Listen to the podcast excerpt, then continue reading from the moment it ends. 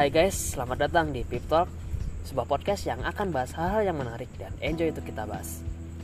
Hmm, berhubung ini episode pertama Ada baiknya mungkin kita kenalan dulu deh ya Biar akrab aja gitu. Nah, bersama saya, Sani. Saya di sini tidak akan sendiri Ditemani dengan teman saya. Hai, nama saya Anar. Kita berdua bakalan bikin waktu gabut kalian jadi tetap produktif So, kalian yang masih scroll timeline Twitter kalian atau Instagram kalian, stop scrollingnya dan mulai dengerin podcast ini. Hmm, tanpa menunggu waktu lama lagi, yuk kita langsung masuk ke pembahasannya. Eh, untuk pembahasan podcast kita yang pertama ini, kita mau bahas apa ya, Bro? Nara? Em, pada episode pertama kali ini kita itu akan membahas mengenai digitalisasi musik. Nah, iya digitalisasi musik. Iya. Tapi sebelum ke masuk ke pembahasannya ya. Nara, Ya, Aku ada sedikit pertanyaan intermezzo. boleh silakan. Nah, buat Bro Anar sendiri seberapa sering dan pengaruhnya musik di kehidupan pribadi Bro Anar itu? Kalau ditanya seberapa sering sih, hampir tiap hari ya saya itu em, mendengarkan musik. Apalagi Ah. pas jam apa? Masa-masa pandemi Pas ya masa-masa pandemi ini kan kita sering di rumah ya. Iya. Dan salah satu biar nggak gabut atau biar nggak sepi-sepi amat sih di rumah, yaitu Ah. dengerin musik. Ya. Dan kalau ditanya soal pengaruh sih em, sangat berpengaruh banget ya. Hmm. Dulu pas aku pertama kali mendengarkan yang namanya lagu Slipknot. Nah, Ah, itu ya, tuh Slipknot, ya. iya, pasti perusahaannya tahu kan Slipknot itu. Nah, itu sangat sangat gimana ya? Sangat berpengaruh banget di kehidupan aku dan sampai sekarang pun aku masih dan mengikuti Slipknot itu. Wah, maggots ya ternyata. Totalitas maggot hard die hard fans. Ah, Ya kalau perusahaannya gi- gimana? hmm, kalau aku sih ya seberapa sering dengerin musik eh hitungan aku dulu tuh sering loh dengerin musik. Nah, ya sama kayak Bro Anar juga tiap hari dengerin.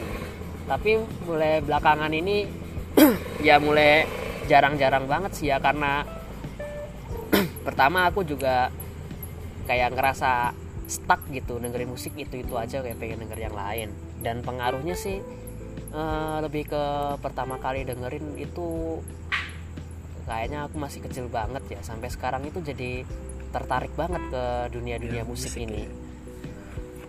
Eh, ya Bro Anar eh, Keren ya? wah jangan bilangin itu. Nggak apa-apa Eh, ya, ya langsung balik lagi ya. Aku di sini ada beberapa pertanyaan yang mungkin bisa dijawab sama Bro Anar ya. Tapi jangan susah-susah ya bro Ah, enggak enggak enggak. Enggak. Eh, buat Bro Anar sendiri per- untuk pertama ini ya digitalisasi musik itu buat Bro Anar apa? Digitalisasi dalam musik ya? Em, kalau digitalisasi dalam musik itu em, kalau saat ini suatu perubahan. Yang mana dulu itu kalau kita ingin mendengarkan musik atau ya gitu dengerin musik kita harus beli kayak rilisan fisiknya. Ah, tapi kayak- kalau udah pada teknologi digital pada zaman sekarang ini kita nggak perlu lah yang namanya beli CD atau piringan hitam kayak dulu dulu pasti perusahaan ini tahu lah. Ah, ya kayak Dan- jadi gimana ya, jadi lebih gampang gitu. Iya, pas gampang banget kalau kita mau mendengarkan musik nggak harus beli itu ini itu. Dan em, dalam di- digitalisasi musik ini kita bisa mendengarkan musik pakai HP aja. Dan apa yang kita mau. Dan apa yang kita mau. Dan apa yang kita cari itu pasti dapat lah. ah ya Eh, untuk pertanyaan kedua ya. Masih sama sih soal pertanyaan pertama tadi. Eh, Bro Anar sendiri mulai ngerasain digitalisasi mu- musik itu sejak kapan? Dan gimana dengan kenal sama musik-musik digital kayak begini? Kalau aku sih em, pertama kali kenal atau mengerti tentang digitalisasi musik itu awal-awal mengenal internet. ah ya dulu itu eh, ya itu pas pertama kali aku tahu yang namanya lagu Slipknot eh, lagunya kalau nggak salah apa ya Before I Forget kalau nggak ah salah iya Before I Itu. Forget itu oh itu Nah. lagunya apa ya yang paling dikenal loh banyak orang loh oh Slipknot. iya pasti berusaha juga tahu tuh album ketiga dari Slipknot nah dimulai dari situlah aku itu udah kenal internet dan dan mencari-cari mengenai digitalisasi musik. Em, sistem digital pada musik juga berdampak pada berkurangnya karya pembajakan karya musik. Ah, iya. Kalau Sandi Tapi- sendiri gimana? bukannya dulu itu nggak ada ya namanya kayak ya streaming streaming legal kayak apa YouTube Spotify gitu jarang kayaknya ya? Iya dulu kan masih jarang banget kayak Sampai- kayak sekarang kan. Sekarang kan udah banyak banget yang namanya platform-platform musik legal nggak Nah, kayak iya. dulu. Ah, kita pasti dulu pernah lah. Jadi ya penikmat bajakan. penikmat bajakan pasti pernah.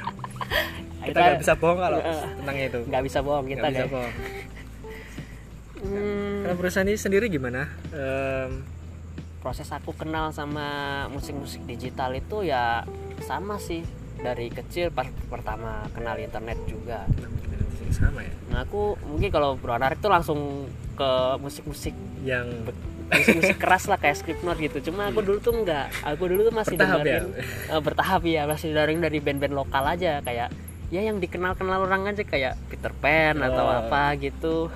Main-main lokal ya kan nah, nah mulai dari situ kan aku udah bisa milih. Oh aku pengen lagu ini ada di laptop atau HP gitu nah aku jadi sering-sering nyari lagu apa sampai kenal. Ya aku jadi sering tahu banyak banyak kayak lagu Jepang atau Korea atau wow sampai kayak Jepang ya? Iya. Ya karena itu kemudahan dari digitalisasi internet musik. iya. Kita bisa milih musik apa yang kita mau. Ya walaupun waktu itu masih bajakan loh. Jadi, kalau bajakan saya kita nggak bisa bohongi lah iya.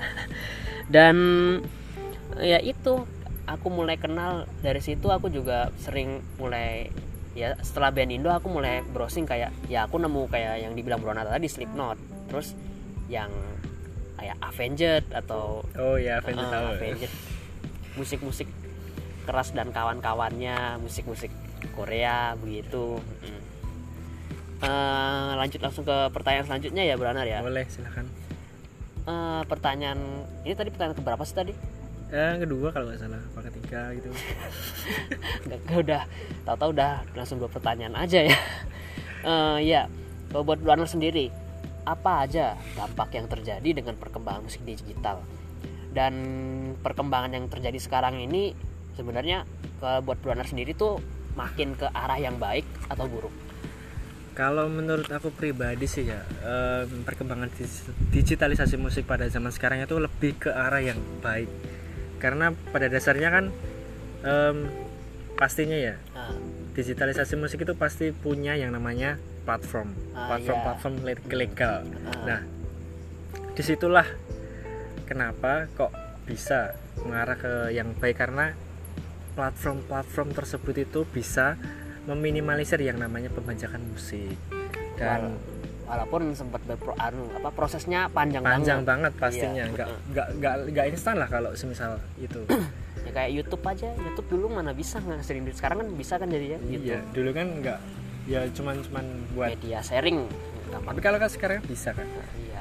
Itu salah satunya juga platform streaming legal buat musik YouTube.